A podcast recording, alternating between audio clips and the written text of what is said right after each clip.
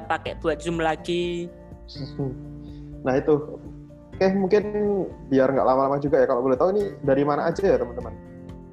Mungkin ada yang dari luar Malang boleh angkat tangan dong atau ngechat di grup chat ada yang dari mana aja biar kita tahu gitu. Wih, Madura, wes. Madura, Ponorogo, mantep ini. Mantap, mantap, mantap. Selain dari oh Med eh, Medan, Jakarta. Oh Jakarta Wih. Mbara. Jakarta, mantap. Ada yang dari Medan juga. Surabaya.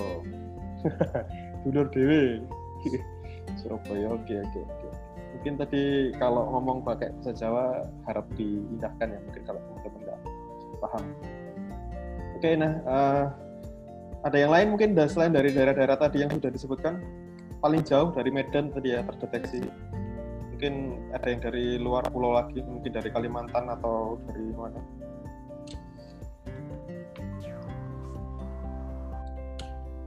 Oke. Oke, teman-teman mohon bantuannya dong buat dinyalain ininya, kameranya buat kita foto bersama eh screenshot bersama dulu.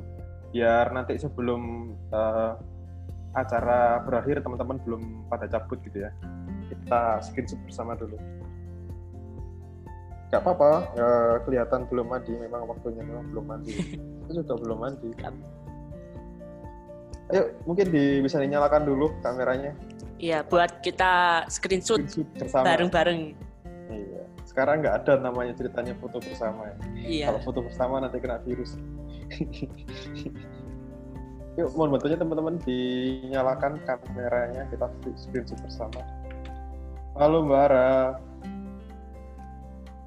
Halo Mas, apa kabar? kabar baik. Mungkin yang belum, ya kita saling bertatap muka gitu ya. Iya. Sudah nih, Biar tahu panggilan. kalau real bukan Iya, bukan robot. Nanti robot tiba-tiba share yang enggak enggak lagi. Ayo yang belum dinyalain kameranya mungkin bisa Oh, nggak ada kamera.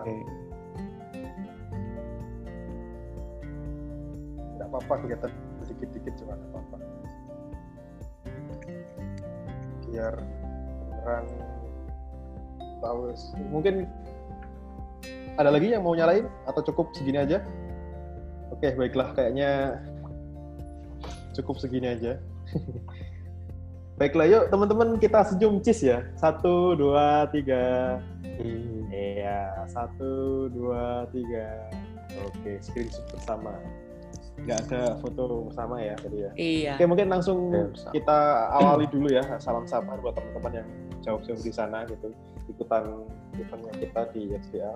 Di sini saya ada Anggita Sarita Kurniawan, nanti dan Mas Naufal di Raffi Satria akan membantu eh, berlangsungnya acara ini. Jadi kita berdua akan eh, ngobrol-ngobrol dan membantu juga dari Mas Gilang. Nanti eh, dari kegiatan sore hari ini nanti akan juga akan dipublish di podcast ya Mas.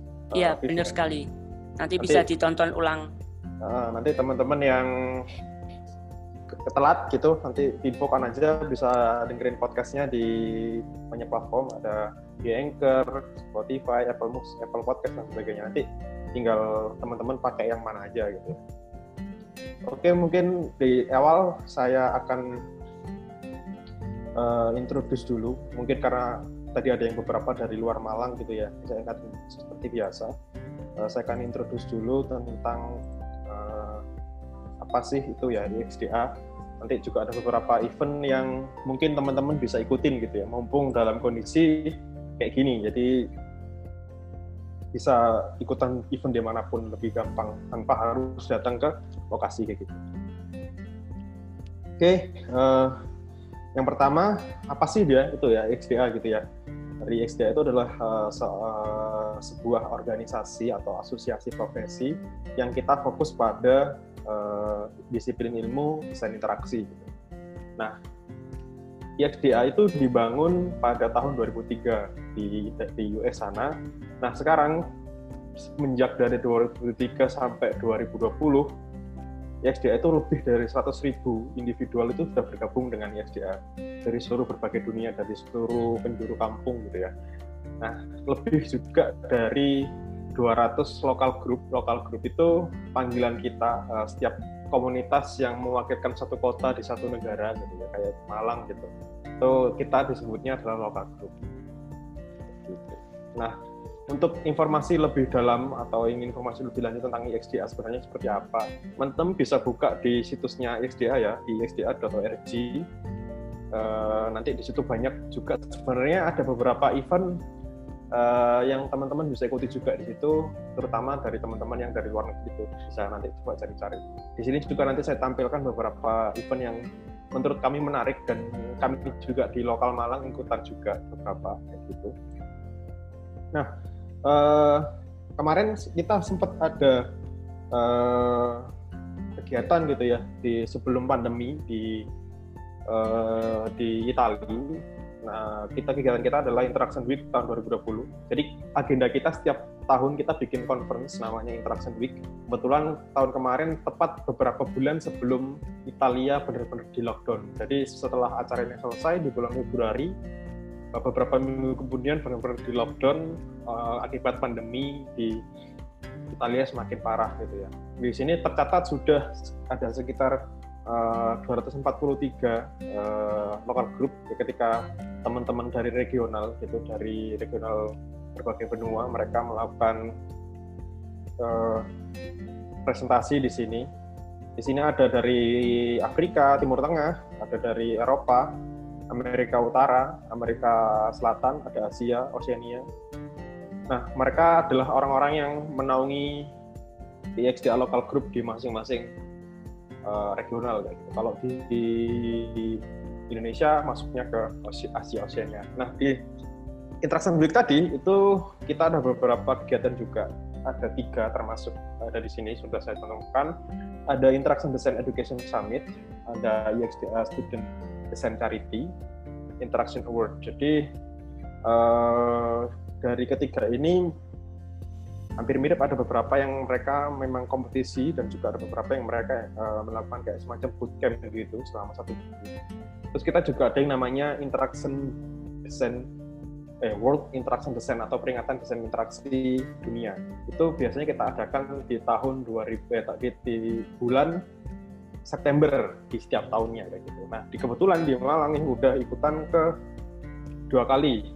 Kalau misalnya nanti Desember udah mau ketiga kalinya. Gitu. Nah, eh, lanjut lagi. Nah ini ya tadi yang saya sebutkan beberapa eventnya. Yang pertama ada ini EXCP. Kalau teman-teman mau akses tuh, dicoba aja buka nanti di uh, di websitenya gitu ya interactiondesignd.org nanti di situ teman-teman bisa kulik-kulik lebih dalam siapa aja sih di baliknya. Kalau ISDD ini kita di XDA bekerja sama dengan Adobe setiap tahunnya. Kebetulan untuk tahun ini kita ngangkat tema Culture and Sustainability. Nah itu nanti kayak gimana nanti uh, tunggu aja di bulan uh, September gitu ya nanti ikutan juga.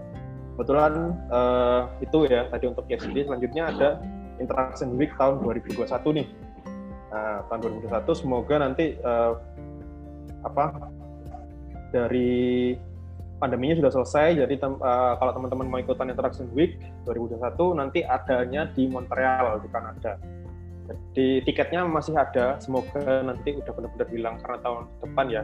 Mungkin kan uh, di beberapa negara bahkan sudah mulai membuka pintunya, sudah mulai uh, memperlakukan kehidupan normal gitu ya uh, di tahun 2001 semoga ikut uh, bisa ikutan gitu di datang sekalian wisata ke Kanada di Montreal sana bisa sekalian ikutan dan mencari ilmu di sana. Kalau untuk uh, lebih detailnya bisa kunjungi interaction 21.ixda.org nanti kita coba-coba cari di sana. Untuk tahun 2021 temanya adalah Design in Previous Time. Nanti kayak gimana coba lagi uh, telusuri di website. Nah, tadi udah ngomongin banyak tentang di luar negeri ya, kayak gimana sih FTA perkembangannya, bagaimana di Indonesia gitu ya. Kita udah join di Indonesia itu sejak tahun 2000, uh, 2019, aktifnya kita di tahun 2016. Uh, kita pengajuan ke ISDA pusat itu tahun 2018 akhir, kita baru emang 2019, 2018. uh, akhir, tapi kita mulai aktif itu dari 2019 awal kita mulai launching. Gitu. Ya mungkin alhamdulillah udah ada satu tahun sih kita ada di peredaran gitu, khususnya di Malang. Nah kalau di Asia kita ada teman-teman dari Afghanistan, Nepal, sorry di India, ada di Singapura, ada di Taiwan, Hong Kong, China, Filipina, uh, di Malang sendiri, terus ada di Korea, ada di Seoul, ada di Tokyo juga gitu. Nah itu uh, teman-teman kita di Asia kayak gitu. Kita saling berkomunikasi, saling membantu untuk uh, memajukan uh, disiplin ilmu tentang desain interaksi kayak gitu. Nah, kalau di SDA Malang sendiri itu programnya ini ya, portfolio review, monthly meetup, kayak gini cangkruan. Foto portfolio review kita agendakan biasanya uh, beberapa bulan sekali, kayak misalnya bisa jadi satu bulan dua atau satu sampai dua kali. Terus kalau misalnya uh, kalau di Gusto Kampus ini biasanya kita gabungan juga dengan Malang Dribble Meetup. Biasanya kita uh, join road to kampus to kampus gitu sebelumnya kita udah beberapa kali ke kampus yang ada di Malang dan juga bekerjasama dengan beberapa komunitas uh, yang ada di Malang juga. Terus ada workshop juga ada workshop. Terus ada studio visit visit ini kita coba datang ke studio-studio gitu kita ngobrol tentang culture-nya mereka tentang project-nya mereka dan sebagainya. Kita lebih intinya kita studi banding lah kalau kita ke studio visit itu. Terus selanjutnya ada book club nih kita kayak bedah buku gitu dalam satu waktu. Terus yang terbaru ini ada one week design challenge. Di program ini sebenarnya terinspirasi dari teman-teman di Bulu Surabaya. Mereka punya yang namanya Designaton gitu di Designaton itu mereka ngedesain tuh uh, live gitu ya mereka bisa ngedesain bareng-bareng nah saya terinspirasi ingin juga buat yang gitu tapi uh, kita coba bedain kalau di kita One Week Design Challenge itu adalah nge challenge ke desain selama satu minggu dengan satu case di mana desainnya itu harus based on research. Gitu. Nah kebetulan juga uh, reviewer reviewernya uh, ada juga dari teman-teman di Surabaya. Jadi kita saling berkolaborasi. Nah, uh, event-event yang sudah kita gelar uh, ini yang harusnya udah saya update sih ya. Uh, membernya udah ada segini, uh, lumayan banyak gitu ya. Terus ada pesertanya udah hampir 800-an mungkin uh, yang udah ikutan event event kita gitu ya mungkin dari yang ke data atau nggak ke data mungkin kiranya sekitar segini selama kita aktif gitu terus ini partner kita uh, teman-teman kita di dunia komunitas ada game developer Malang ada workshop riset informatika Dilo yang mau fasilitasi seperti kita ini sekarang ada lettering lettering Malang gitu ya. Terus ada area desain Surabaya uh, yang juga ada di Surabaya juga gitu. Terus ada yang selalu membantu kita terus ada ADGI nah ini teman-teman yang selalu kita ajak berkolaborasi kita ajak bertukar pikiran gimana sih kalau mengembangkan komunitas gitu ya? Apalagi di dunia desain kayak gitu nah uh, untuk teman-teman yang pastinya pengen tahu berita paling update tentang IXDA Malang ya bisa di follow-follow gitu ya. Di Twitter ada @malang IXDA, di Facebook ada IXDA Malang, di Instagram ada IXDA underscore Malang. Kalau di, di website, kalau tadi kan websitenya pusat nih ixda.org. Kalau kita di lokal punya ada sendiri IXDA strip malang.org atau kalau mau email di malang at. Jangan lupa follow ya. Nanti kalau nggak follow nggak akan tahu berita-berita terbaru dari kita follow aja nanti nanti kalau di event ini juga mau bikin story eh, apa apa jangan lupa di mention ke kita gitu nanti kita repost siapa tahu juga nanti kalau beruntung kita bakal update gitu terus nanti di akhir acara uh, mohon bantuannya untuk uh, memberikan feedback kepada kita biar event-event yang kita laksanakan itu bisa uh, lebih baik gitu ya. Dengan tentunya dengan dukungan teman-teman yang memberi feedback pastinya juga sangat membantu buat kita untuk berintrospeksi diri untuk mengevaluasi kita kayak gitu. Bisa langsung di linknya di bit.ly bit.ly bit.ly slash feedback strip IXDA MLG atau bisa di scan QR code-nya. Mungkin kalau udah mulai scan bisa di scan sekarang.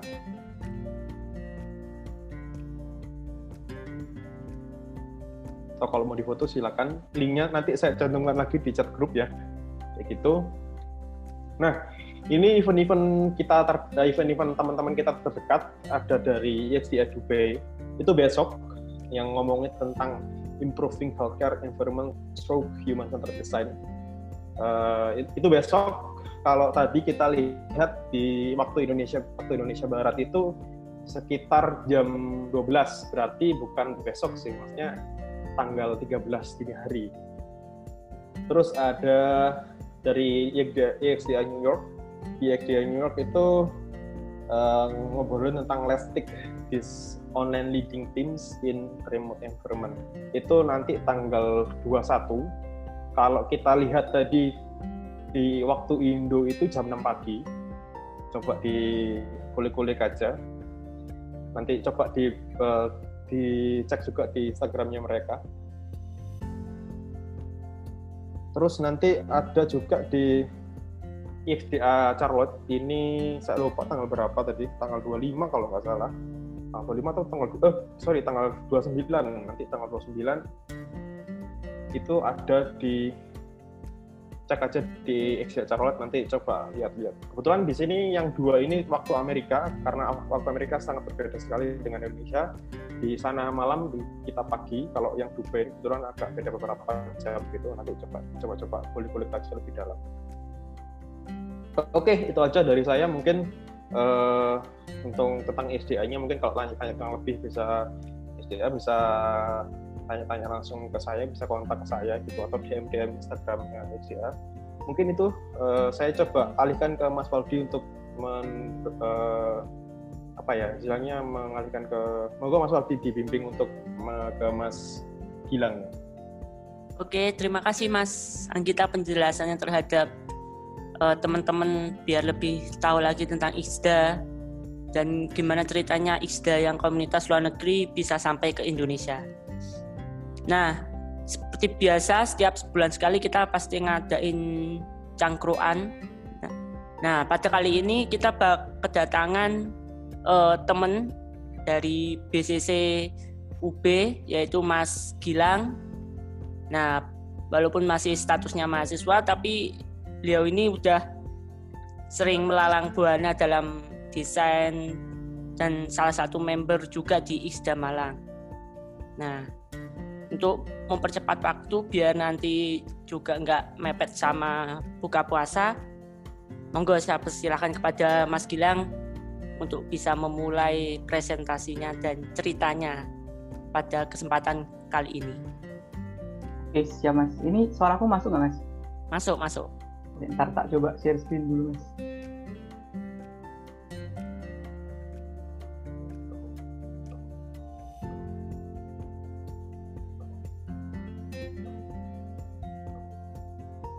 uh, screen-nya udah kelihatan belum? Oke, kelihatan. Oke. uh, jadi, uh, Assalamualaikum warahmatullahi wabarakatuh. Waalaikumsalam warahmatullahi wabarakatuh. Dan saya ucapkan juga selamat menunaikan ibadah puasa bagi yang menjalankan. Dan tak lupa juga kalau uh, kita terus berharap agar kita diberi kekuatan dan kemudahan selama melalui masa krisis pandemi ini dan semoga pandeminya juga bisa segera berakhir. Jadi next cangkrusan kita bisa bertatap muka langsung supaya interaksinya jadi lebih baik lagi. Uh, kenalin nama saya Gilang. Uh, mungkin kalau teman-teman pengen diskusi lebih jauh bisa langsung hit ke LinkedIn saya atau mungkin kalau teman-teman pengen ngerosting uh, saya sempat nulis UX study case di Medium yang tertera di slide tersebut. Uh, jadi kali ini saya dapat kesempatan untuk membahas tentang terkait dengan prinsip salah satu prinsip UX yang sudah saya coba explore beberapa minggu ke belakang. Nah, sebelum masuk ke pembahasan nih, saya rasa kayak ada sebuah salah satu jurnal yang kayaknya bakal relate juga sama pembahasan yang bakal uh, coba saya bawakan hari ini. Untuk memulai, uh, mungkin di antara kita ketika kita uh, bertanya ke teman-teman atau kolega atau rekan kita, banyak dari mereka mungkin masih berpikir kalau banyak variasi atau banyak fitur yang disediakan di suatu produk atau di barang yang kita jual mungkin itu bakal berbanding lurus dengan keuntungan yang bakal kita dapat. Misal dalam hal ini kita berbisnis. Nah, hal ini tuh pernah di riset juga oleh dua orang ahli psikologi namanya Iyengar sama Mark di tahun 2000. Studi tersebut berputar di suatu bazar di mana mereka melakukan pengamatan pada salah satu stand yang menjual selai. Di hari pertama, mereka menyediakan 24 pilihan selai untuk dibeli oleh pengunjung dan di hari kedua hanya 6 pilihan selai. Menurut teman-teman yang di sini nih, kira-kira hasilnya gimana sih? Uh, mulai dari hasil penjualan atau mungkin impresi dari masing-masing uh, stand di tiap hari yang berbeda gitu. Kalau mungkin teman-teman mau berbagi pandangan atau insight gitu, uh, saya coba serahkan ke Mas Faldi lagi mungkin bisa dibantu ke teman-temannya Mas.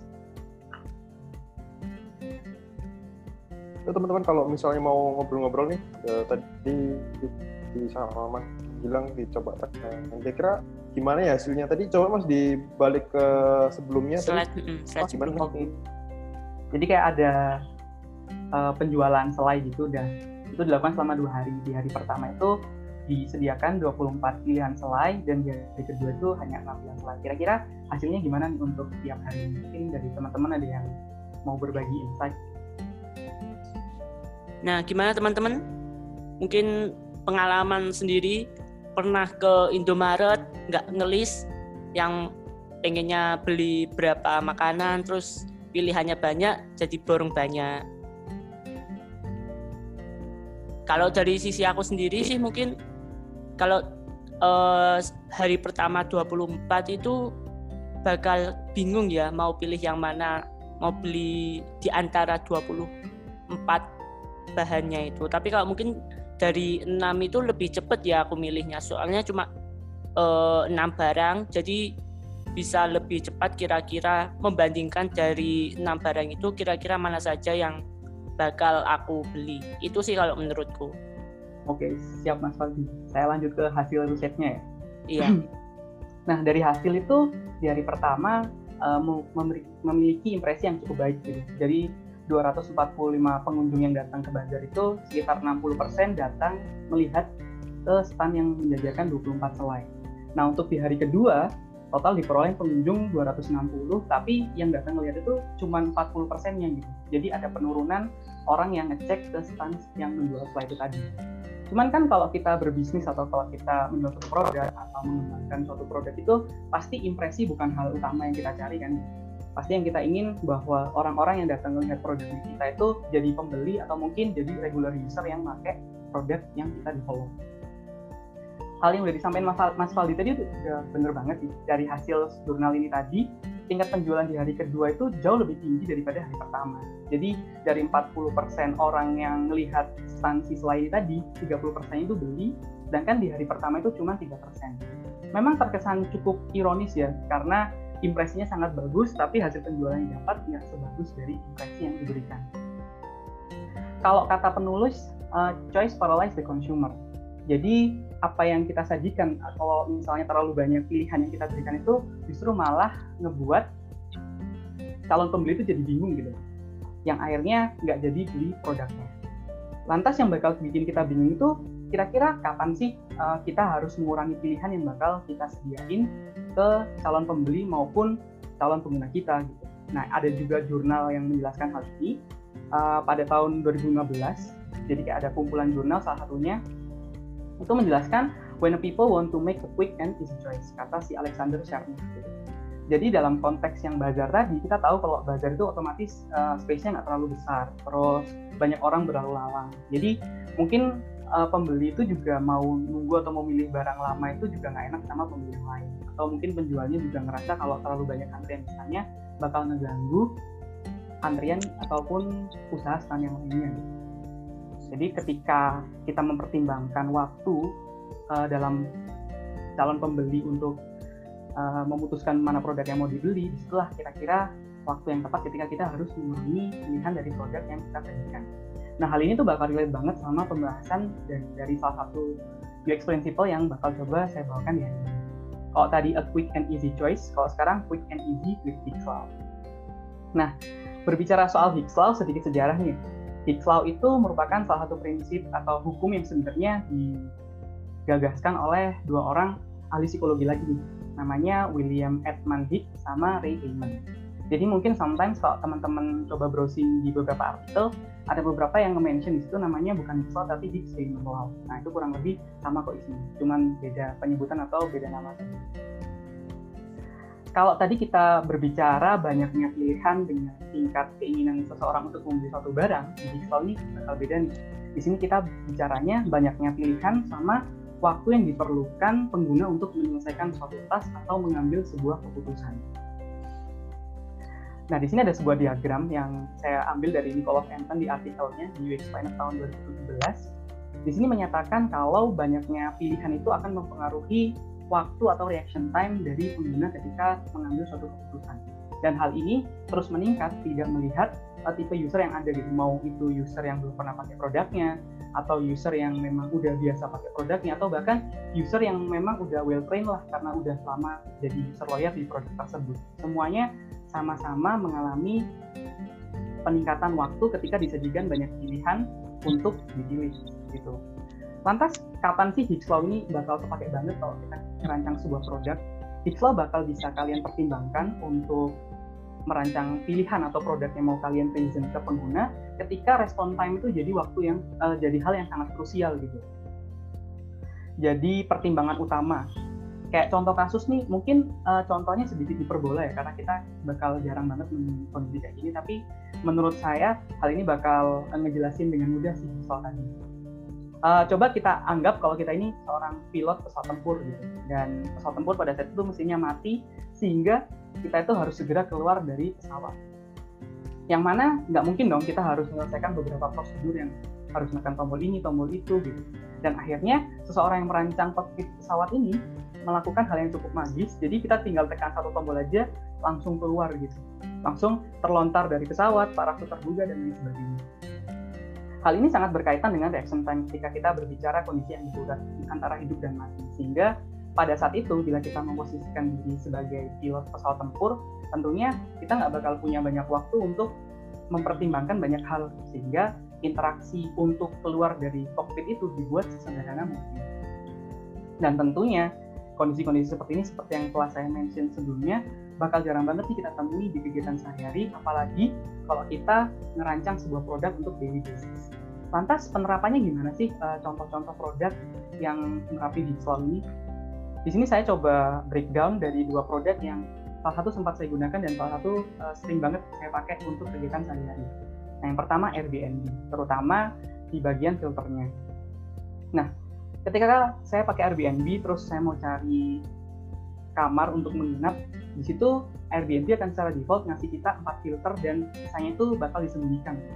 Filternya ada pembatasan fleksibel terus jenis tempat karena pada saat kita rame-rame otomatis kita lebih prefer cari yang apartemen atau mungkin rumah. Terus yang ketiga adalah harga karena otomatis kalau orang Indonesia kan relate banget kan sama harga yang murah-murah. Jadi mungkin pada saat itu Airbnb beranggapan kalau ini harus ditaruh jadi filter yang utama dan yang terakhir adalah pemasaran instan. Nah, ketika kita pengen uh, mempersonalisasi kira-kira tempat penginapan yang kayak gimana sih yang kita mau itu masih masih bisa kita cari di lebih banyak filter sehingga nanti bakal ditampilin uh, semacam pop up dialog seperti ini di situ nanti teman-teman bisa langsung uh, mengkustomisasi kamar-kamar uh, sesuai dengan keinginan teman-teman Tadi untuk Airbnb dan yang kedua dari Gojek. Gojek di sini yang coba saya breakdown yaitu service listnya. Ketika by default, misal kita baru misal Gojek di sini kan uh, fitur yang bakal kita dapat itu ya yang ada di layar saat ini kayak GoRide, GoCar, GoFood, GoShop, GoSend dan lain sebagainya. Sama seperti kasusnya Airbnb. Sejauh ini saya belum pernah menggunakan fitur selain dari apa yang disediakan Gojek di awal. Karena saya ngerasa saya masih belum butuh gitu dan Gojek mensatisfy hal tersebut dengan memberikan default fitur yang menurut saya sudah cukup relatable. Dan ketika teman-teman pengen ngelihat fitur yang lainnya, tetap bisa dilihat di button lainnya. Di situ nanti bakal keluar fitur-fitur seperti Go Live dan lain sebagainya. Namun tidak hanya membatasi informasi saja, Gojek juga memberikan kesempatan pengguna itu untuk melakukan personalisasi. Misal ternyata pada akhirnya uh, saya sebagai user lebih suka pakai produk mereka yang ada di kelompok sehari-hari atau go live seperti go masa, surfing dan sebagainya. Hal itu masih bisa uh, dilakukan personalisasi. Dan hal ini selain memangkas reaction time dari pengguna pengguna umum karena fitur umumnya sudah di di awal, ketika ada pengguna yang memang mereka udah sering pakai produknya, itu bisa makin cepat nih ketika mutusin mau pakai service yang mana karena mereka bisa nge-customisasi poin-poin itu supaya keluar di fitur prioritasi. Nah, dari kedua produk ini ada satu benang merah yang mungkin bisa kita tarik nih. Yaitu kedua produk itu sama-sama membatasi informasi. Dan ini di sini inilah terlihat penerapan si flow-nya walaupun saya juga nggak tahu tuh ketika researcher ataupun desainer di sana mereka ngerancangnya itu benar-benar pakai ISO apa enggak. Tapi at least kita bisa tarik kesimpulan kalau mereka menerapkan salah satu prinsip. Karena kalau misal nih si Airbnb ternyata nggak ngebatasin filter yang mereka kasih gitu pasti kita bakal overwhelming banget dengan banyaknya filter yang harus kita lakukan konfigurasinya yang harus kita isi field-fieldnya gitu sehingga uh, bisnis goals awal dari Airbnb yaitu kita bisa cepat pesan kamar itu nggak bisa tercapai. Apalagi buat Gojek nih yang memang mereka bilang kalau mereka itu super app, jadi mereka menyediakan banyak fitur dalam satu aplikasi. Itu bakal benar-benar overwhelming juga ketika semua fitur itu langsung di display di halaman utamanya. Kita sebagai pengguna nggak tahu nih kira-kira kalau mau nemuin informasi ini sebelah mana gitu. Walaupun di situ misal Gojek telah menaruh prioritas kalau fitur yang paling sering dipakai itu paling di atas gitu tapi tetap dengan banyaknya pilihan itu tentunya bakal ngebikin si pengguna itu bingung gitu. kayak katanya jurnal yang sebelumnya choice paralyze the consumer nah tapi menentukan item-item tadi yang bakal diprioritasin itu nggak sembarangan gitu jangan lupa jangan jangan kira karena kita coba nerapin sebuah fungsi sebuah sebuah prinsip dari UX kita bisa sembarangan nih naruh informasi yang bakal kita sajiin pertama dari awal. Tentunya pasti ada research yang panjang dan hal-hal yang harus dilakuin supaya kita tahu kira-kira mana fitur yang bisa kita prioritasin supaya uh, hal itu bisa memangkas reaction time dari pengguna. Jadi nggak malah jadi bumerang kembali gitu karena kita coba prioritasin tapi kita nggak lakukan research akhirnya reaction time yang diperlukan tuh justru sama aja atau malah mungkin lebih lama dari ketika kita display informasi seperti umumnya cuman kalau kita coba bahas-bahas lagi seputar uh, UX principle yang si Xlow-nya tadi uh, kalau kita coba breakdown langsung itu mungkin terkesan sedikit abstrak ya dan agak susah untuk nerapin uh, si UX principle ini secara langsung Nah, ada sebuah istilah yang cukup populer di luar sana namanya nudge. Sebelum masuk ke nudge, kita coba bayangin sedikit nih. Coba bayangin bagaimana kalau kita itu bisa mempercepat reaction time tadi, bahkan tanpa membuat si pengguna itu untuk berpikir lebih jauh. Yang menyebabkan hal itu terjadi itu juga biasanya sangat sederhana. Kalau kita menempatkan diri kita sebagai apa ya sebagai pengguna gitu kadang secara tidak langsung itu produk yang kita gunakan itu udah mengarahkan kita untuk memilih opsi yang mereka inginkan dan hal-hal ini tuh sangat tidak sadar biasanya hal yang kayak gini tuh bakal dikenal dengan nama nudge. Kalau katanya Richard Taylor di tahun 2008, kebetulan orangnya ini juga yang yang nulis buku yang menjelaskan soal nudge. Nudge itu adalah faktor apa pun yang mengubah perilaku manusia atau dalam pengembangan produk ini kita bilang pengguna. Tapi sebagai catatan, yaitu harus mudah untuk dilakukan atau tidak dilakukan sama sekali. Jadi pengguna secara sadar itu bisa ngikutin dan bisa nggak ngikutin si nudge ini secara mudah, nggak ada hal yang sulit. Tapi kalau kita coba sangkutin sama pengembangan produk, apalagi ke Higgs Law, itu ada beberapa istilah lagi yang mungkin bisa di-define. Dan di sini saya bakal coba pakai salah satunya. Nah, berkaitan dengan hal itu, uh, mengutip dari salah satu artikel ya di thislit.com pada artikelnya tahun 2012. Jadi pada saat itu itu taksi di New York City itu mengalami peningkatan tip sebesar 22%. Ada banyak sekali faktor yang menyebabkan hal itu, tapi salah satu hal yang sederhana itu yaitu diterapkannya nudge. Nah, kok bisa? Jadi pada tahun 2012 akhirnya taksi di New York itu mengadopsi metode pembayaran baru, yaitu cashless menggunakan kartu kredit. Nah, untuk mengakomodasi model pembayaran tersebut, para pengusaha-pengusaha taksi di sana itu akhirnya menerapkan tablet. Tabletnya itu digunakan untuk mempermudah pembayaran dan juga pemberian tips. Karena sebelumnya kalau kalau waktu pembayaran itu hanya berupa cash, tips itu hanya seperti kebiasaan yang diberikan dari penumpang ke pengemudi. Jadi hal itu kayak biasanya kalau penuh kalau misalnya penumpang baru turun, mereka pasti ngasih tips itu sekalian bareng ketika mereka mau bayar. Tapi karena adanya si tablet ini, jadi lebih mudah ketika mau ngasih. Kenapa? Karena di tabletnya itu nanti dikasih empat pilihan. Yang pertama, 20% dari biaya agro, terus 25%, dan yang terakhir 30%. Tapi penumpang itu masih bisa ngedefinisiin kira-kira mau ngasih tips berapa. Nah, dari hal yang sederhana ini, kira-kira kenapa sih kok akhirnya bisa meningkatkan pendapatan tip yang diperoleh oleh pengemudi taksi sebegitu besarnya pada saat itu karena angkanya bisa dikatakan cukup fantastis. Kalau di Nuts itu dikenal sebagai default number. Nah, default default number tadi itu secara tidak langsung ngebentuk suatu benchmark di pemikiran pengguna. Jadi kalau misalnya pengguna itu mau ngasih tip itu paling rendah 20%, paling tinggi 30%. Selain hal itu ngebikin benchmark juga di pemikiran pengguna, itu juga melakukan generalisasi pada jumlah jumlah tip yang nantinya dapat diberikan kepada pengemudi. Nah, kalau kita coba sangkut pautin ke Higgs Law, di sini reaction time dari pengguna ketika akan memberikan tip itu akan sangat jauh meningkat. Kenapa? Karena kita tahu kalau New York itu kan bisa dibilang sebagai salah satu kota yang cukup sibuk gitu. Kota yang sangat metropolitan. Jadi semua orang yang naik taksi di sana pasti punya satu tujuan tertentu yang memang mereka harus mengejar waktu. Jadi transisi di mana ketika mereka ingin turun dari taksi itu pasti akan sangat singkat sehingga ketika mau ngeluarin duit buat bayar agro itu biasanya kalau nggak taksi memang ya dilebihin sedikit lah untuk tip. Nah dengan adanya tablet ini secara tidak langsung default default number tadi itu sudah memberikan pilihan kepada pengguna. Nah pilihannya sedikit, uh, si penumpang itu juga lebih enak tuh mau milihnya kira-kira berapa.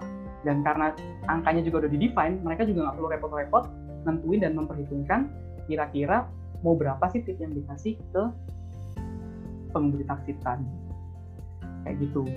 Mungkin uh, kurang lebihnya kayak gitu ya soal Higgs Law dan sedikit soal Nietzsche yang ngebantu uh, nerapin si Higgs Law tadi.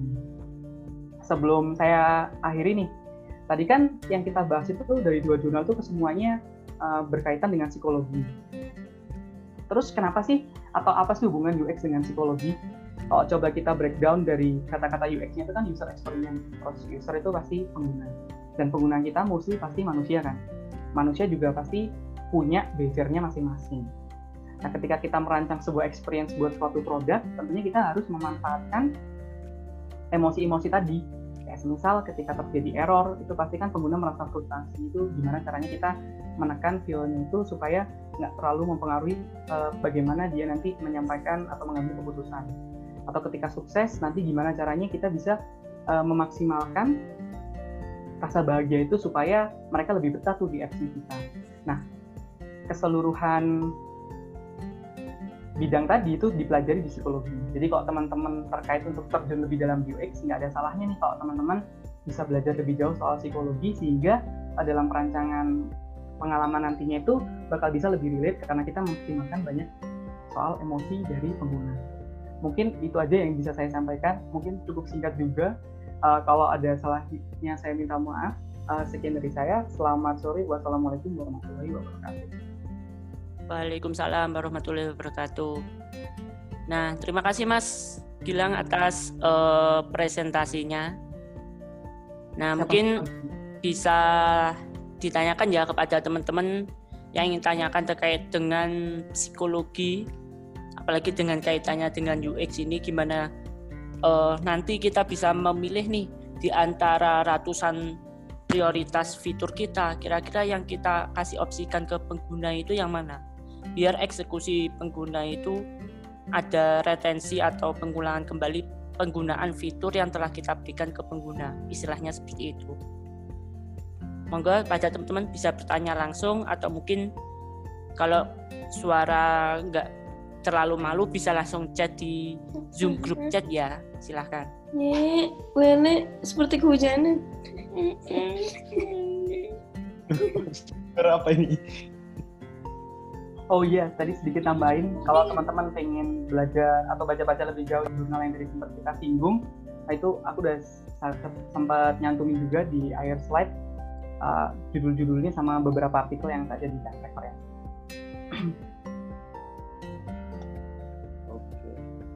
Nanti bisa di langsung ini aja coba-coba tanya-tanya sih ya. Oke teman-teman kalau misalnya mau tanya silakan bisa chat aja ya atau bisa uh, ngobrol langsung gitu. Kira-kira apa yang disampaikan sama Mas bilang tadi kayak gimana sih uh, penerapannya jika tadi kan udah udah ada jelas nih udah ada penerapannya kalau misalnya di dunia digital itu kayak gimana gitu ya. Tadi ada contohnya kalau di Gojek sama Airbnb gitu ya. Terus uh, gimana kalau misalnya itu diterapin juga di yang lainnya gitu. Kira-kira kayak gimana? Mungkin bisa coba tanya-tanya tuh. Oke mungkin uh, dari teman-teman ada yang ditanyakan? Kita mungkin diskusi bebas aja ya biar lebih mengalir gitu iya. buat teman-teman yang mau tanya. Eh, tanya apa pun deh kalau misalnya nggak mau nggak mau tanya tentang materinya tadi tanya apa pun boleh gitu. Uh, ngobrol apa pun tentang keluh kesahnya tentang uh, tentang apa pun gitu ya. Soalnya ini belum juga uh, hampir relate sih dengan materi yang sebelumnya yang tentang uh, apa ya kemarin tentang desain empati itu kan kita juga ngobrol tentang psikologi ya. Di sini juga kita ngobrol tentang psikologi kembali. Karena dasarnya kita di UX itu ya, ya gimana mau memahami seorang manusia kalau tahu psikologi gitu ya. Tadi ada mas siapa tadi Mas Hilmi Aziz tak mikir dulu pas pertanyaannya. Oke, ya udah kalau itu saya coba tanya awal-awal dulu ya Mas. Nah, eh, katakanlah kalau tadi studi kasusnya itu untuk perusahaan-perusahaan yang udah terkenal, Airbnb udah terkenal, Gojek udah terkenal. Nah, kira-kira untuk kasus untuk lo, uh, startup yang baru memulai atau produk yang memulai, katakanlah kayak hmm, kalau kita ngambil studi kasus kemarin one week design kita pet adoption nah kalau kayak gitu uh, pilihan pertama produk awal kita itu kan terbatas nih yaitu uh, adopsi dari shelter, adopsi dari manusia, adopsi dari sosial media. Katakanlah ada uh, tiga produk yang masih awal. Nah, seperti yang tadi disinggung, ada awal itu ketika produknya sedikit itu kan orang melihatnya itu kan sedikit juga. Nah, gimana caranya kita uh, memanipulasi ini uh, behaviornya kita ketika kita ingin show up dari yang semula tiga produk ini bisa meningkatkan impresinya kayak gitu. Impresi yang dimaksud ini berarti uh, untuk menarik pengguna lebih banyak lagi gitu mas ya? Iya, betul sekali. Karena kan kalau tadi dilihat dari case studinya tadi kan produknya sedikit, impresinya sedikit walaupun eksekusinya semakin banyak. Oke. Okay. Kalau sependapat saya dan pengalaman saya sebenarnya uh, pasti nanti banyak hal yang mempengaruhi impresi gitu sih mas, nggak cuma fitur aja. Karena kan kebetulan tadi contoh yang di awal sekali itu kan karena pilihan produk untuk dibeli. Tapi kan ketika kita berbicara soal interaksi itu nantinya uh, fitur-fitur itu lebih ke uh, gimana sih nanti si pengguna itu bisa merasakan experience mereka di sana. Mungkin bisa lebih kalau peningkatan impresi mungkin dari sisi UI-nya atau dari sisi UX-nya itu bisa lebih banyak dikulik lagi. Kalau berbicara soal tadi fiturnya ada tiga, itu sudah cukup bagus sih. Misal ketika kita ingin membangun impresi, karena di akhir ketika pengguna benar-benar hands on sama produknya kita itu mereka udah ke fokus nih kira-kira mau ngapain jadi impresi nantinya untuk meningkatkan uh, apa ya kalau lama penggunaan si apps-nya tadi supaya pengguna itu bisa lebih jauh mengeksplor tuh kalau dari pendapat saya sih mungkin bisa lebih ke perancangan dari masing-masing pengalaman di tiap fitur gitu sih mas. Hmm, iya iya iya. Ya. Berarti memang nggak sekedar cuma fitur aja yang kita sodorkan tapi juga UI terus juga uh, pengalaman penggunanya terhadap fitur tersebut gitu ya Mas ya? Kalau menurut saya sih seperti itu sih. Oke, terus ini ada pertanyaan lagi dari Mbak Nadia Fitria. Uh, mau tanya, logo perusahaan atau brand itu ada sangkut pautnya sih sama UX? Terima kasih. Gimana Mas? Logo perusahaan atau brand itu ada sangkut pautnya sama UX? Iya. Nah, saya coba jawab dari pengalaman saya aja Mas ya bicara kalau soal UX itu uh, kita kan pasti bakal berbicara soal interaksi yang bakal kita bawakan. Biasanya kalau logo dan brandnya udah kuat, uh, hal itu bisa mempengaruhi si UX-nya juga. Kayak contoh kasus nih Gojek, ketika mereka habis rebranding logo, mereka itu merubah semua uh, aspek-aspek visual yang ada. Nggak, ter, nggak, terlepas, nggak terlepas juga ada salah satu bidang UX yang berkaitan dengan copywriting. Biasanya orang-orang sebutnya UX writing. Nah, hal mungkin kalau menurut saya dan sepaham saya sih, hal itu bakal mempengaruhi uh, kalau pengen nyamain brandnya pasti di bagian UX writing itu bisa disesuaikan juga sih untuk nyesuaiin dari logonya. Jadi kalau kata saya mungkin ada sih sama pausnya, tapi bisa dikatakan dibilang banyak ya bisa dibilang sedikit juga nggak bisa dibilang sedikit juga mungkin tak jawab. Nah, oh iya saya sekedar nambah ya kemarin uh, sempat baca-baca seputar logo itu jadi logo itu ada kayak dua tahap. Pertama logo sebagai awal impresi branding supaya logo tersebut itu lebih ngena di pikiran kita. Istilahnya ke, uh, orang jadi inget logo kita karena baru pertama kali launching. Itulah kenapa nanti ketika orang udah inget dan sering pakai supaya bisa terus bertahan di pikiran kita, itu ada istilahnya untuk rebranding. Contoh kasusnya seperti uh, YouTube ya, dia logonya itu unik, tapi semakin hari semakin lama uh, logo YouTube itu untuk diterapkan dengan produk-produk Google lainnya untuk uh, di website itu kurang begitu presisi. Akhirnya ada yang namanya rebranding logo kembali. Jadi mungkin uh, untuk di tahap awal perusahaan logo branding itu lebih ke arah model bisnis gimana logo tersebut itu bisa lebih ngena di pikiran kita. Makanya uh, Gojek pun juga awalnya kan logonya itu orang naik sepeda motor. Terus makin hari ada rebranding ulang di mana logonya itu lebih ke arah problem solving kayak gitu. Nah, terus ada lagi pertanyaan dari Mas Hilmi Ajis nih. Pendekatan usernya kan beda-beda. Kalau misalkan pendekatan user yang dia termasuk disabilitas disabilitas apakah sama atau ada cara tersendiri? Nah, gimana Mas Gilang?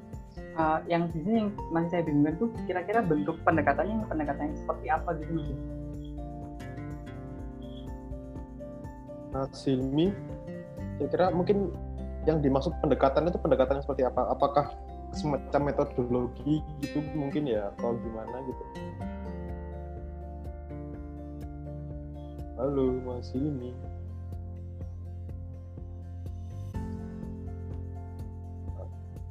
Sepertinya sepertinya masih diketik ini mungkin tadi nambahin dikit ya soal soal ini ya soal brand logo tadi ya. ya Uh, gimana mas Ada namanya tentang brand awareness dan brand experience.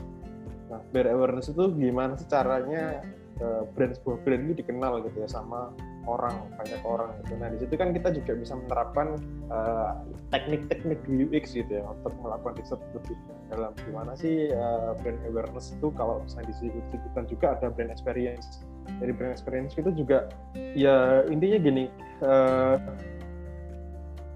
paling terkenal gitu ya brand di dunia itu apa sih Apple gitu misalnya. Kita kalau pakai Apple tuh experience-nya beda gitu. dari segi apa pun ya pokoknya beda. Nah di situ uh, Apple benar-benar menerapkan bahwa brand mereka ini nggak cuma sekedar hanya Apple yang hanya Apple yang kerowak gitu aja, tapi ada filosofi di baliknya yang kita dapatkan itu bisa meningkatkan experience-nya kita sendiri sebagai sebagai pengguna. Itu itu itu yang harus uh, apa ya harus ada di satu brand gitu ya, tentang brand experience gimana gimana uh, seseorang atau seorang pengguna gitu menggunakan sebuah brand itu mereka punya uh, proud tersendiri gitu. Aku pakai Apple nih, ya, PD nih ya, keluar keluar. Soalnya soal saya diri sendiri juga gitu ya, pakai pertama kali pakai pakai Apple, saya bangga pakai bisa pakai ini, pakai produk atau pakai brand yang paling terkenal di dunia. Gitu. Itu mungkin kalau ngomong tentang brand ya. Ini lanjut nih ada uh, dia terhadap yang kan gak semua disabilitas juga bisa gunakan standar untuk si termasuk disabilitas disabilitas tapi juga tidak keluar dari fungsional utamanya kira-kira gimana mas? Oke, kalau kita bilang pendekatan berarti kan ini pendekatan si user make produknya kita gitu mas ya. Nah itu pasti ya, ada hal yang berbeda dan kayaknya pasti ada perlu kita ngelakuin kalibrasi ketika kita nyajiin interaksi atau experience satu ke pengguna. Kayak contoh kasus, misal ketika pengguna memiliki masalah penglihatan uh, kayak buta warna dan sebagainya itu kan pasti di situ kita bisa nge si interaksi itu dari warnanya yang bisa nyesuaiin uh, si disabilitas yang dimiliki atau diidap oleh orang tertentu gitu. Atau mungkin dari high contrast dari ukuran ukuran fontnya gitu. Yang jelas pasti bakal apa namanya mempengaruhi sih dari sisi interaksinya. Gitu sih kayak gitu mungkin Mas Hilmi uh, menjawab Mas atau mungkin mau ngobrol lebih lanjut kan kalau kita lihat di Android juga kan ada fitur aksesabilitas ya di situ ada yang merubah tampilannya jadi high contrast atau mungkin teks-teks yang ada di dalam aplikasinya itu bisa jadikan text to speech gitu, untuk kebantu teman-teman yang memang punya masalah di bagian pendengarannya. Oke. Siap, siap. Mungkin ada tambahan Mas Hilmi?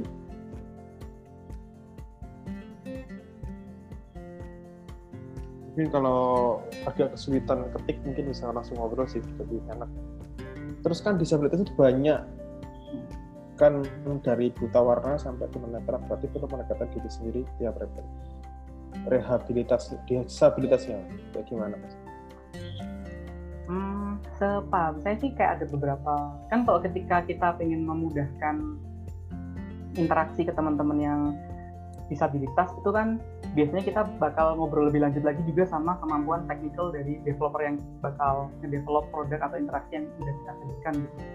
Dan itu pasti pendekatannya bakal nyesuaiin sama API atau hal-hal yang emang udah disediain sama si developernya gitu. Jadi kayak harus tetap memperhatikan di bagian situ kayak semisal contoh kasus ketika kita berbicara text to speech gitu. Ternyata di aplikasinya native kita nggak nggak bisa apa namanya nggak bisa support itu mau nggak mau kan kita harus mencoba mencari hal-hal yang lain gitu. jadi pendekatannya itu bakal beda-beda juga Oke, jadi uh, memang pendekatan juga bakal berbeda juga uh, menyesuaikan dengan developernya juga ya. Kita harus tentunya juga banyak pertimbangan ya untuk membuat uh, seperti ini kayak gitu ya Mas bilang. Iya kayaknya gitu sih Mas. Karena pasti sebagus-bagusnya interaksi yang udah kita rancang atau sebagus-bagusnya market risetnya kita gimana kita udah nemuin solusinya. Tapi kalau akhirnya dari sisi teknikal itu nggak bisa nge-tackle atau nge-execute uh, solusi itu kan ya percuma gitu jadi tetap harus mempertimbangkan di situ sih. Oke siap siap. Bener bener bener. Ya juga sih mungkin atau kalau mungkin lebih ini juga yang mungkin sering kita sebut-sebutkan juga ya sering kita obrolkan juga tentang uh, apa inklusif design ya. Di situ kita gimana sih uh, sangat bisa untuk orang-orang uh, disabilitas. Mungkin coba masnya lebih uh, gali-gali di situ deh untuk lebih banyaknya tentang inklusif design itu seperti apa. Kalau contoh aplikasi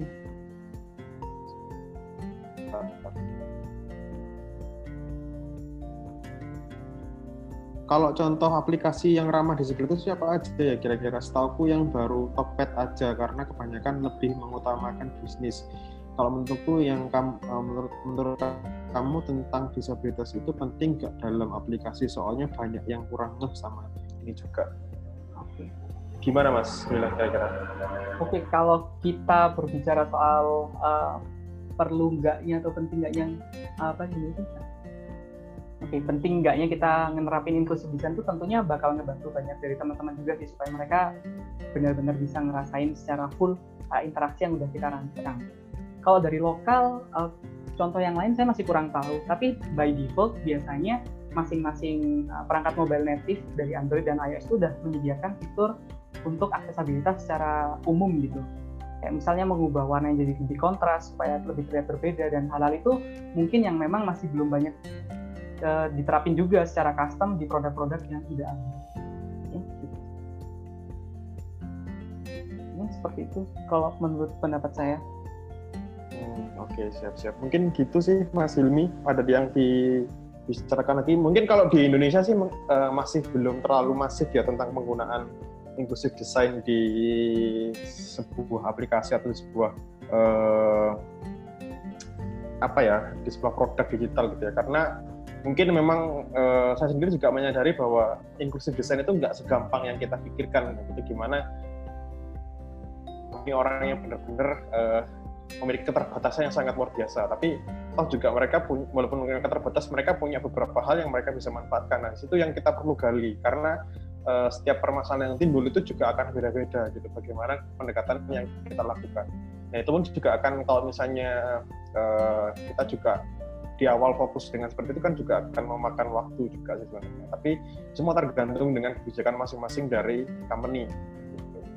Tapi ya memang alangkah baiknya kita juga menghadiri teman-teman uh, disabilitas karena kita juga nggak bisa dong uh, menyampingkan mereka atau juga mereka punya hidup hal yang sama. Nah itu sih yang saya lihat gitu ya di uh, Indonesia itu masih memang masih kurang yang benar-benar menerapin inclusive design. Gitu. Terus ini lagi ada pertanyaan dari Mas Aisyah Ahmad Iman Sudrajat. Mas biasanya atau umumnya untuk penyediaan pilihan atau list untuk warga plus 62 berapa banyak ya? Oke, berarti list yang mungkin kalau saya tangkapnya kayak semacam kategori gitu mungkin. Nah kalau ini sih kalau menurut saya nggak bisa kita generalisasi, generalisasi gitu ya untuk jumlah list yang memang nyaman untuk orang plus 62 gitu. Pasti dalam melakukan hal itu bakal berkaitan lagi nih uh, siapa target pengguna yang coba masnya sasar, siapa target uh, target demografisnya kayak gimana gitu. Jadi memang bisa dibilang uh, dari beberapa artikel yang saya baca ketika kita nge-craft atau ngedesain suatu user experience dalam produk tertentu itu nggak bisa kita generalisasi untuk semua orang. Kita pasti biasanya lebih fokus ke satu target user tertentu lagi gitu. Jadi sejauh ini belum ada sih jumlah pilihan uh, jumlah seberapa banyak kira-kira list yang memang cocok untuk orang plus 62 secara general. Seperti itu menurut saya. Oke ya sih memang benar kita juga apa ya berhubungannya dengan user gitu manusia gimana kita caranya menentukan khusus orang plus 62 soalnya kadang orang plus 62 tuh agak ya agak gini-gini. Agak keluar dari konteks yang awalnya maunya gini tiba-tiba kayak gitu ya segitulah uh, mungkin itu juga kenapa kebanyakan referensi UX itu dari luar gitu ya nggak nggak banyak dari Indonesia karena memang yang sudah menerapkan dulu di sana dan memang yang uh, strategis paling baik itu ya orang-orang luar sana kan. Oke, lanjut ke pertanyaan Mas Ahmad Farid nih. Uh, sore Kak mau tanya beberapa perbedaan cara riset untuk menentukan Higgs law sama nudge pada produk kita apakah berbeda?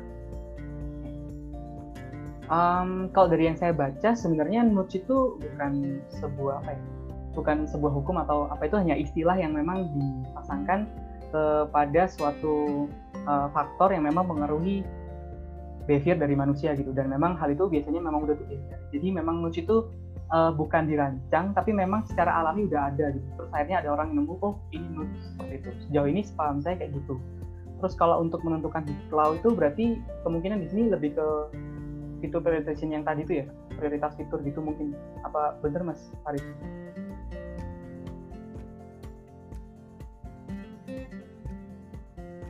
kalau emang benar soal penentuan informasi mana yang harus disampaikan atau ditunjuk atau disajikan kepada pengguna itu ada beberapa metode sih yang bisa dilakukan. Nah, oh ya. Nah, ada beberapa metode yang bisa dilakukan. Nah, salah satunya yang mungkin sempat pernah saya gunakan itu namanya card sorting untuk uh, pengelolaan informasi gitu. Jadi nantinya kita kayak bakal ngasih uh, list informasi yang bakal kita sajiin, terus kita minta responden untuk mengelompokkan hal-hal tersebut. Tapi tentunya di luar sana itu bakal lebih banyak lagi sih eh, cara-cara uh, untuk melakukan prioritas pada fitur-fitur yang memang mau kita sajikan kepada pengguna. Oke, begitu Mas Farid mungkin pertanyaan apakah jawabannya menjawab ya dari Mas bilang.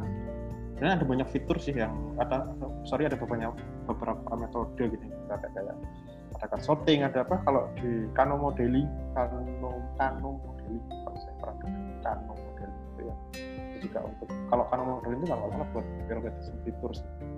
Oke mungkin lanjut ke pertanyaan Mas Ais lagi nih untuk smartphone sama PC ada beda kah? Maksudnya ini ada beda gimana mas? Beda apanya ya? Apa nyambungnya tadi ya? Kalau misalnya nyambungnya tadi jelas di situ ya? Mungkin kayaknya beda, mungkin ya. Kalau kalau saya kan mungkin juga ya pasti beda juga sih secara oh iya masih nyambung ternyata ya jelas mungkin beda sih secara tampilan estetika juga mungkin beda. Karena secara screen size kan juga ada perbedaan yang cukup signifikan dari smartphone sama PC sehingga kalau di PC mungkin bisa lebih banyak informasi yang ditampilkan. Oke, tadi ini ada Mas Iqbal Zia. Jadi jawab Mas Hilmi, Mas. Jawaban atau pertanyaannya? Nah, memang kita tidak bisa membagikan semua user ya, Mas. Untuk user.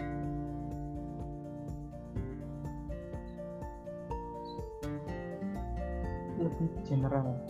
Oke, kalau dari sempat saya baca di salah satu artikel itu memang seperti itu. Nah, uh, user generalnya itu juga nggak nggak general banget, sih, tergantung sama target pasar yang memang mau coba dituju sama produk yang kita develop.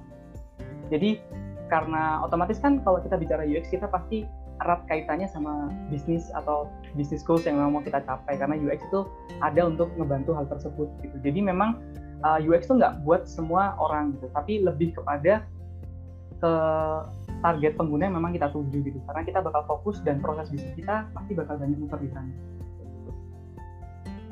jadi memang gitu ya, uh, nggak semua nggak semua user juga bisa dibagikan. Apalagi memang kadang yang general pun juga kadang nggak bahagia gitu. Ada beberapa uh, fitur yang mungkin menyakitkan bagi kita itu pasti juga ada sih. Gitu. Memang ya namanya bisnis ya kadang bikin kita seneng, kadang bikin kita seneng. Wajar sih kalau menurut saya. Mungkin ada pertanyaan lagi dari teman-teman. Mungkin ngobrol lebih lanjut tentang uh, hukum kali ini. Kita jadi hari ini kita belajar tentang hukum. Jadi hukum dasar bagaimana kita uh, memberikan pilihan-pilihan uh, kepada user itu seperti apa. Mungkin ada pertanyaan lagi teman-teman? Bisa ngobrol sharing-sharing aja sih, nggak, nggak usah terlalu uh, kaku gitu ya. Kita ngobrol lebih banyak aja, jadi lebih banyak diskusi juga. Kalau soal Higgslow sebenarnya kemarin tuh uh, Gojek sempat terapin juga sih. Uh, mirip kayak yang diterapin sama taksi yang video kemarin. Kalau teman-teman emang sempat dapat fiturnya, jadi kan waktu masuk awal-awal pandemi itu kan kita coba membatasi interaksi dengan orang lain. Nah, Gojek itu secara default tuh uh, naruh metode pembayaran ketika kita pesen uh, apa namanya servisnya mereka itu langsung ngarahin ke GoPay atau cashlessnya mereka gitu. Menurutku sih ini juga salah satu penerapan Higgs Law yang cukup bagus ya untuk mempercepat reaction time gitu karena Gojek pengen ngebantu kita menghindarkan dari interaksi dengan orang lain juga itu juga ngedorong uh, bisnis mereka untuk bertumbuh terlebih ke apa namanya tadi si GoPay-nya dan secara tidak langsung uh, ini mungkin juga sedikit-sedikit nyelipin dark pattern juga sih karena kan by default itu udah langsung dipilihkan si GoPay ya oh, gimana Mas Anggi? Bener kan Mas ya? Iya betul-betul kemarin kita sebut uh, kayaknya Mas Moldi ini Mas Novel ya kayaknya iya. relate juga sih sama dark pattern kemarin yang sempat ramai di Twitter bahwa udah banyak korban gitu ya yang yang ada tentang dark pattern gitu. Kalau dark pattern sendiri itu sama sih sebenarnya psikologi gitu, ngaruhnya ke psikologi.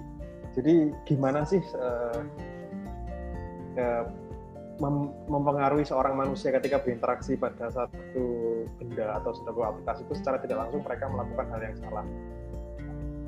Maksudnya salah itu adalah bagi kita salah tapi bagi bisnis itu menguntungkan. Itu itu itu yang sempat kemarin ramai di di di apa di Twitter gitu yang bahwa tentang pattern-nya dari si ya kasusnya kembali lagi ke Gojek sih. Tiba-tiba uh, nggak nyangka ternyata ketika ada beberapa kasus orang pakai Gojek ternyata tiba-tiba pakai fitur pay letter yang ternyata lebih menguntungkan pihak pengembangnya daripada kita hmm. sendiri itu kemarin sempat ramai sih di sendiri. Menarik sih untuk dibahas juga sebenarnya. Tapi lebih menarik juga kalau kita ngundang orang Gojek gitu ya bahas iya. tentang patternnya. Itu gitu. Jadi sebenarnya kalau kita ngobrol lebih lanjut tentang uh, psikologi itu lebih apa ya lebih seru sih menurut saya. Karena kita benar-benar mencari manusianya di situ hal yang kita kita tidak apa ya sering tidak kita temui ternyata ada. Ada yang menerapkan salah satunya seringkan lagi.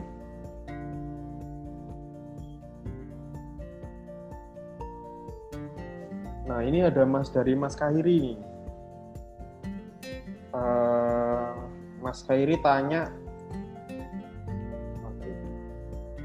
terkait pilihan juga nih Mas, apakah dalam desain UI UX itu tindakan mengikuti tren juga menambah poin yang mendukung kenyamanan pengguna, model tampilan dark mode. Oke. Kira-kira gimana? Kalau menurut saya sih ngikutin tren tuh uh, bisa-bisa aja, tapi kalau kita berbicara soal UI UX, uh, terutama UX, kita pasti selalu berbicara sama apa namanya uh, bisnis lagi gitu. Jadi kita bakal lihat lagi nih kira-kira proses bisnis kita itu atau bisnis growth yang berjalan di produknya kita itu benar-benar bakal apa ya memberikan keuntungan lebih nggak sih kalau kita nge-develop si mode tampilan dark mode. Misal contoh kasus kita ambil sekarang mungkin yang pakai dark mode itu ada WhatsApp, ada Instagram, ada Twitter mungkin yang warnanya bisa gelap gitu. Dan kalau kita coba tarik benang merah di ketiga aplikasi itu kan memang intensitas pengguna berinteraksi dengan aplikasinya cukup tinggi gitu. Dan mungkin sesekali mereka juga mengaksesnya dari daerah yang mungkin minim cahaya sehingga uh, penerapan contoh tampilan eh penerapan si dark mode itu bakal ngebikin atau memberikan efek uh, impresi yang lebih bagus ke penggunanya. Tapi semisal kalau kita ngedevelop suatu apps yang ternyata itu hanya digunakan di siang hari atau mungkin uh, pengguna bakal jarang pakai di malam hari. Saya rasa menerapkan dark mode itu juga bakal jadi effort yang nggak begitu besar gitu atau nggak bakal menyumbang kebaikan-kebaikan uh, lainnya ke proses bisnis yang berlangsung. Tentunya mengikuti tren itu bisa bagus, tapi harus kita perhatikan lagi uh, bisnis goals dari produk yang kita develop karena misal kalau kita nge-develop ternyata pengguna nggak sering pakai kan uh, uang yang kita keluarkan untuk nge-develop suatu fitur tadi itu bakal tercuma. Betul, betul. Akhirnya uh, duitnya yang udah di-spend habis kosong ya benar-benar jadi dark mode ya. Duitnya habis. Karena tentunya pasti effortnya bakal susah kan, karena kita harus nentuin warna iya, lagi, iya, betul, betul. menyesuaikan tipografi dan sebagainya. Betul, betul. Kayaknya sekarang juga hampir semua dark mode sih kayak Facebook sekarang ada tampilan yang dark mode juga udah ganti dark mode. Iya, soalnya kalau secara kode membuat dark mode itu sama halnya dengan kita membuat ulang karena semuanya harus dilihatkan secara komponen, tulisan ganti warna, gambar pun juga harusnya pasti itu ada penyesuaian. Hmm, saturasinya dan sebagainya gitu ya. Iya.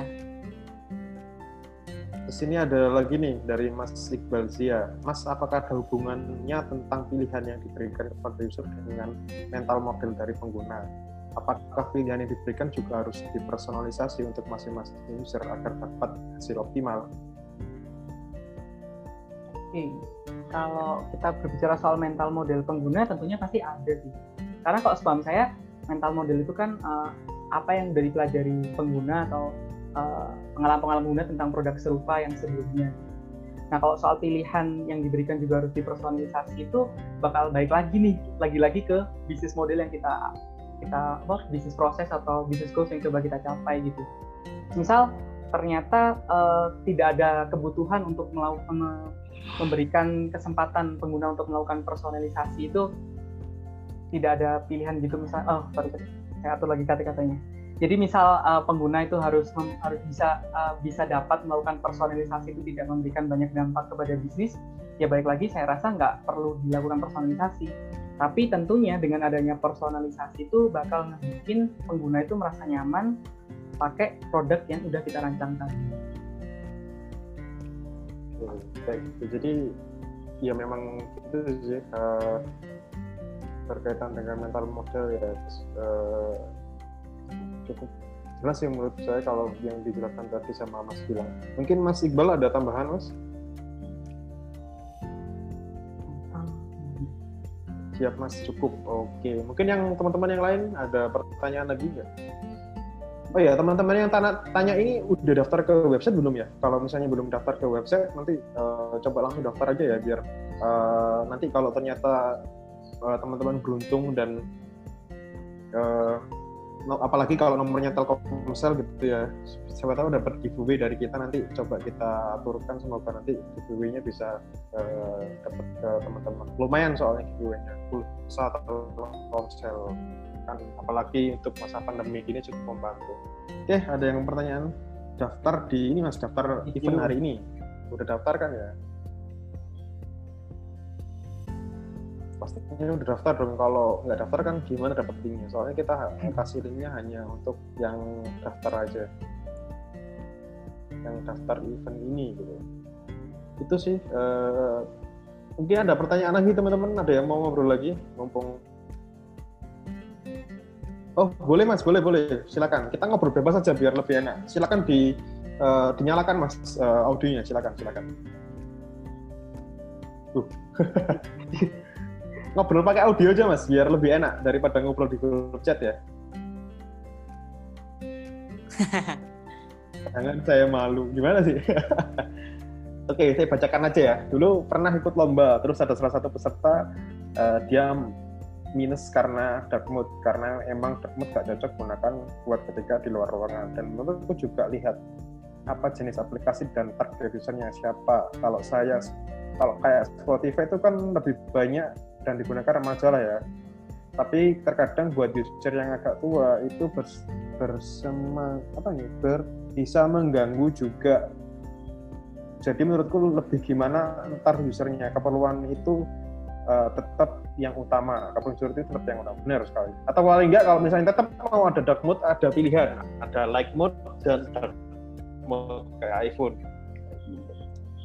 Bukan iPhone juga sih mungkin uh, beberapa ponsel Android juga yang ada ini. Jadi tetap terpaksa mau ada dark mode ya silakan berikan kedua eh, berikan pilihan. Gitu ketika uh, mau user tetap mau dark mode ya silakan. Mau nggak dark mode ya silakan. Jadi mereka sesukanya mereka sendiri. Terima kasih Mas Hilmi. Mantap nih mungkin next dari speaker ya. Mas.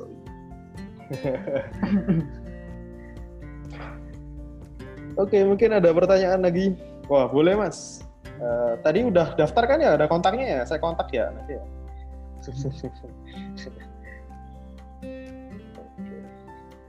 Oke, mungkin ada pertanyaan teman-teman. Kita ngobrol bebas aja. Biar uh, ngabuburit kita bermanfaat ya. Biar nggak cuman tiduran aja. Semakin pandemi semakin tiduran. ada pertanyaan lagi teman-teman? Bagaimana kalau dia ada mungkin tambahan pertanyaan? Oh, uh, ngomong-ngomong soal psikologi ini, um, gimana sih sebenarnya ketika kita membuat uh, katakanlah studi kita pakai um, misalkan sudah bekerja, nah kita hmm. komunikasi bareng sama developer. Nah, gimana kita bisa istilahnya dalam membuat sebuah desain itu misalkan membuat desain website, terus desain mobile dan lain sebagainya. Nah, perlu nggak sih dalam membuat sebuah desain itu dibedakan antara desain nanti web, terus web yang bagian mobile, sama yang dengan dengan yang ada di Android, dengan yang ada di iPhone. Jadi kayak istilahnya itu desainnya sama aja walau di platform mana pun. Ataukah perlu desain kita itu dibedakan saat di iPhone secara, uh, kayak gini terus nanti di Android kayak gini jadi beda gitu karena kalau kita lihat misalkan kemarin itu di OVO itu kan kalau nggak salah ada sedikit berbeda di iPhone sama di Android nah yeah. itu kira-kira gimana apakah ada riset sendiri ataukah perlu disamakan semuanya atau gimana? Kalau menurut saya ini uh, cukup menarik sih pertanyaannya ya, diskusinya. Uh, pasti jelas di awal kita bedakan dulu di uh, di uh, penggunaan device-nya ya. Tapi nanti uh, ketika kita sudah mulai implement, kita bisa membangun desain sistem di situ dalam.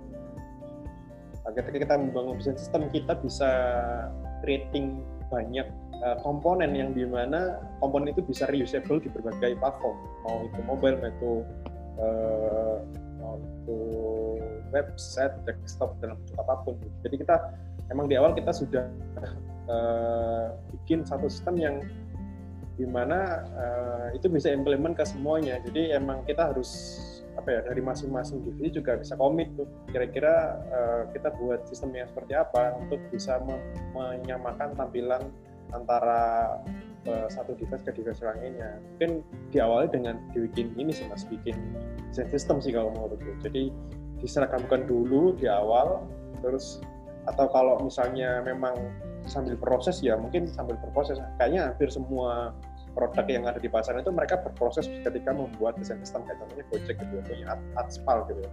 Aspal mereka bisa berguna di berbagai platform, entah itu Android maupun uh, di ininya di apa di uh, iPhone di, di iOS lah.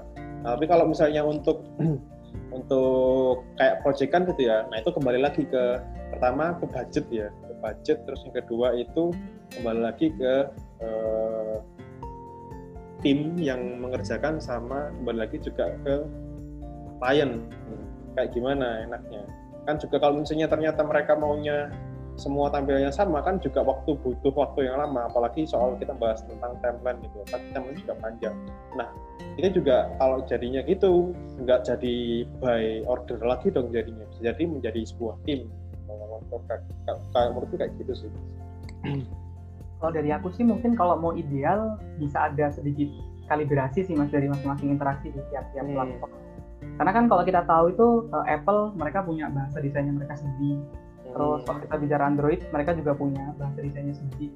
Dengan memang uh, memanfaatkan bahasa-bahasa desain dari masing-masing platform native itu akhirnya kan kita bisa menyesuaikan interaksi yang kita kasih sama target pengguna yang berbeda-beda di masing di masing-masing device yang berbeda.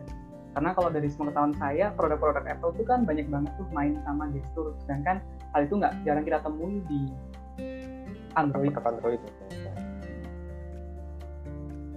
Mungkin gitu. ya soalnya kalau kita lihat contoh studi kasus seperti yang sampean bilang ketika project itu aku pernah nih uh, bukan pernah mungkin sekarang ini lagi ngalamin gimana uh, salah satu proses antara website sama responsif websitenya itu ada sedikit beda dengan yang ada di Android. Bahkan bisa dibilang um, dalam tahap pengerjaannya itu uh, front end di website itu cuma mendapatkan desainnya hanya untuk bagian website tanpa ada uh, desain untuk yang bagian mobile atau responsifnya.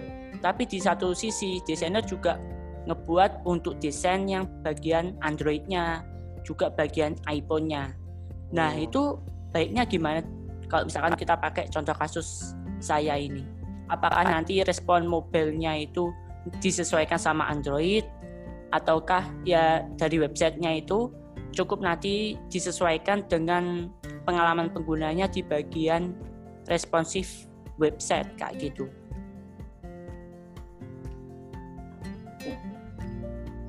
Kalau mungkin berbicara program running sih pasti kayak kata Mas Andi tadi sih bakal um, memperhitungkan dari segi budget sama timelinenya. Tapi kalau menurut saya sih semakin seamless uh, perbedaan interaksi dari dari platform yang berbeda, misal dalam hal ini uh, website ke Android atau ke Apple yang kita katakan natif itu semakin seamless perbedaan interaksinya. Sebentar ya, sebentar ya. Bagus, gitu. Oh begitu, oke oke. Jadi baiknya memang uh, lebih banyak persamaannya ya Mas ya daripada perbedaannya gitu ya kalau menurut saya sih seperti itu sih mas makanya tadi kan kayak sempat disinggung juga soal desain sistem gitu dengan misalnya kalau kita mau nerapin contoh kasus atau prinsipal kayak kita merancang eh, elemen-elemen UI itu dari hal yang paling kecil sampai sebelum nanti bisa kita gabungin jadi sebuah elemen UI utuh gitu. kalau kita udah berpegang teguh dan memang sudah benar-benar memperhatikan desain sistemnya saya rasa waktu kita ngerancang um, baik itu UI atau UX di antara masing-masing platform yang berbeda itu harusnya nggak ada jauh perbedaan eh nggak ada perbedaan yang cukup jauh sih. Hmm ya ya ya ya. Menarik ini memang. Berarti memang um, secara nggak langsung kita udah mulai dituntut kak kita harus ada punya desain sistem ya apalagi kalau um, misalkan platform kita itu nggak cuma di bagian website saja tapi juga di bagian Android atau mungkin Apple. Terlebih kan selain tadi kalau kita coba sangkutin ke salah satu pertanyaan soal logo sama brand ya ya. Dengan adanya desain sistem itu kan secara tidak langsung kita bisa ngebangun brand yang kita miliki jadi lebih kuat lagi. Karena bisa dibilang tiap-tiap elemennya itu juga udah konsisten dan disesuaikan sama uh, logo atau brand yang udah kita punya. Bagaimana Mas Waldin mungkin? Oh ya ini ada pertanyaan nih uh, Mas terkait dengan koneksi internet yang lambat, gimana desain biar ringan? Gimana biar bisa cepat diakses? Adakah tips untuk kompresi filenya? Gimana nih? Tadi di atas sebenarnya belum sempat kebaca juga sih. Di atas ada pertanyaan dari Mas Aziz tadi, Hilmi Aziz tadi, kalau mau gabung IXDA gimana ya? Bisa mas nanti masnya buka ke websitenya IX, IXDA stripmalang.org nanti di situ ada join with us. Nanti kalau silakan submit di situ. Nanti kita akan kasih study case itu dikerjakan sebagai proses seleksi uh, untuk masuk ke IXDA. Oke, mungkin lanjut ke pertanyaan masnya ya. Iya, gimana? Mungkin teman-teman ada yang jadi desainer? Iya, kebetulan saya juga bukan desainer. Oh, bukan. Aku mau menjawab ini ya. Mas terkait uh, koneksi yang lambat gimana desain ringan uh, desain biar ringan gimana ya biar cepat diakses. Menurut saya ini uh, lebih ini ya konten-kontennya seberapa. Jadi kayak misalnya uh, kan internet juga bisa berpengaruh ketika akses uh, akses konten gitu ya. Kalau misalnya ternyata kontennya itu banyak lebih teks, mungkin saya rasa masih lebih uh, lebih apa ya, lebih lebih misalnya ternyata di situ banyak uh, kayak di unsplash gitu-gitu ya ada beberapa trik. Nah jika koneksi sedang lambat. Di situ uh, tampilan di sebuah page website atau di aplikasi itu udah kelihatan bentuknya seperti apa. Cuman nggak memang nggak ada kontennya di situ. Itu salah satu triknya. Kemudian yang selanjutnya adalah menggunakan konten-konten yang memang size-nya kecil atau uh, biar bisa meredus dari uh, koneksi internet tersebut. Jadi sebenarnya banyak cara mana caranya atau mengatasi cara-cara kalau misalnya koneksi itu remote gitu. Bisa pakai lazy load atau pakai konten-konten uh, misalnya gambar pakai yang uh, tidak terlalu besar filenya biar ketika mengakses atau mengupload itunya itu bisa secara cepat gitu sih banyak cara sih ini nih nah, Mas Hilmi mau share. Nambahi, kalau Mas mau nambah ini terkait dengan koneksi internet yang lambat. Ini sebenarnya bukan tugasnya desainer ya, itu lebih ke arah engineer. Jadi di engineer itu udah kita punya ada standarisasi. Misalkan setiap image itu uh, extensionnya apa. Jadi kalau di web itu ada yang namanya WebPL. Jadi web WebP itu kayak extension yang dikhususkan untuk gambar-gambar yang ada di website. Terus juga seperti singgung tadi juga ada yang namanya lazy load dan lain sebagainya. Jadi di engineer itu kita istilahnya ada testingnya sendiri.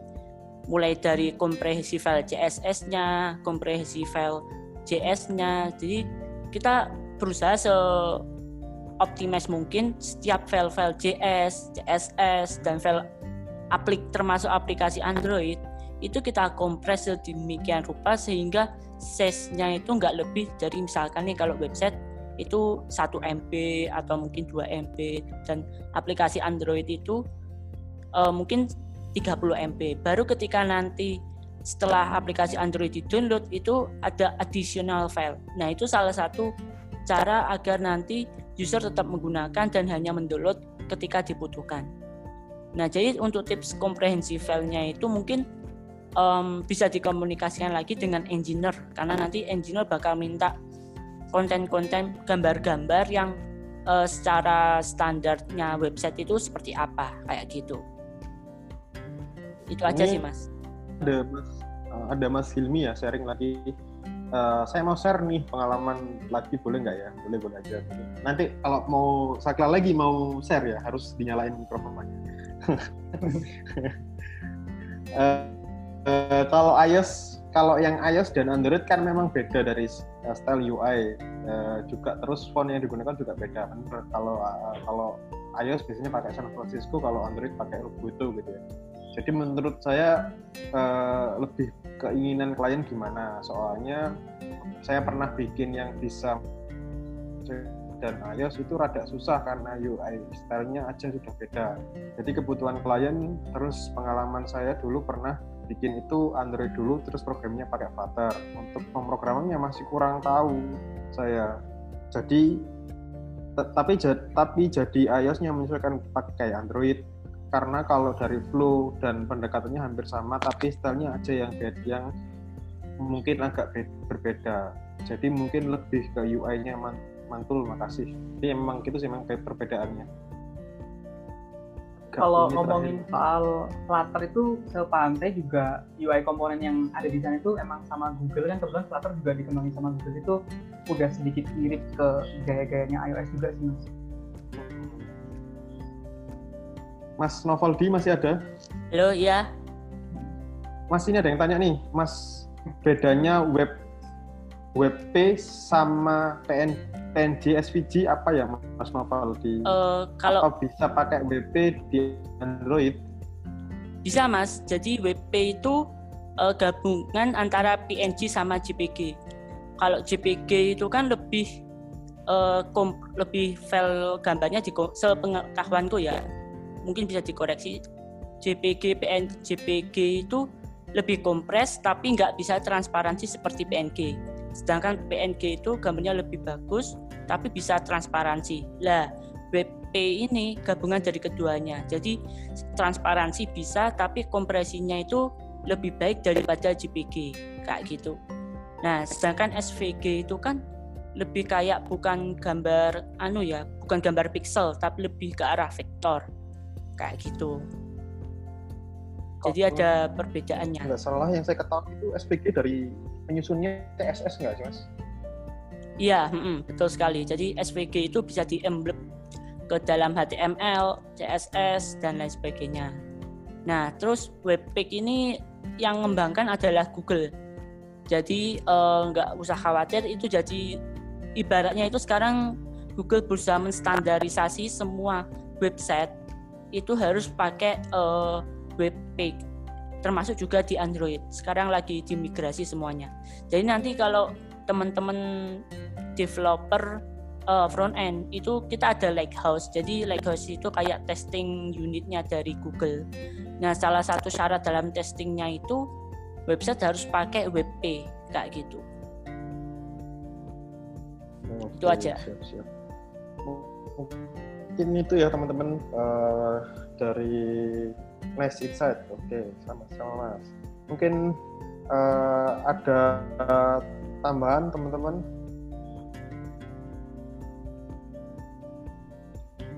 Mungkin kalau nggak ada tambahan, saya ingat kembali ya untuk di eh, Mas apa Mas Gilang bisa di stop dulu Mas share share screen-nya. Siap mas, makasih mas. Oke, makasih Mas Gilang ya terima atas sharingnya. Eh, saya mau screen dulu. Tuh.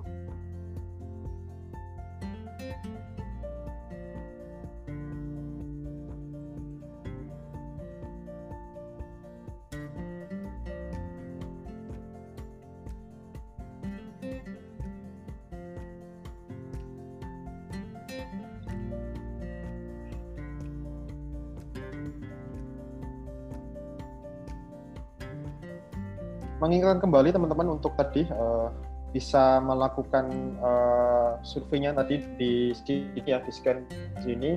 Sama minta bantuannya untuk eh, survei dari Dilo. Dari Dilo ada sendiri. Saya cantumkan di chat untuk eh, surveinya dari Dilo. Nanti kalau ini bisa di scan aja. Nanti kalau yang Dilo linknya ada di sini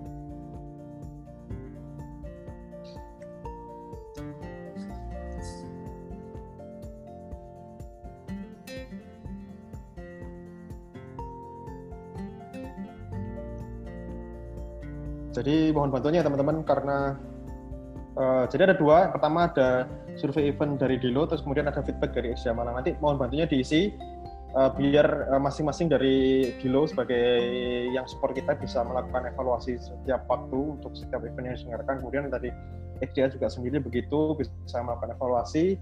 Uh, terima kasih hari ini Mas Gilang atas ilmunya sangat uh, luar biasa sekali. Uh, yang dibagikan kita kita bisa belajar tentang hukum dari Higgs law itu seperti apa.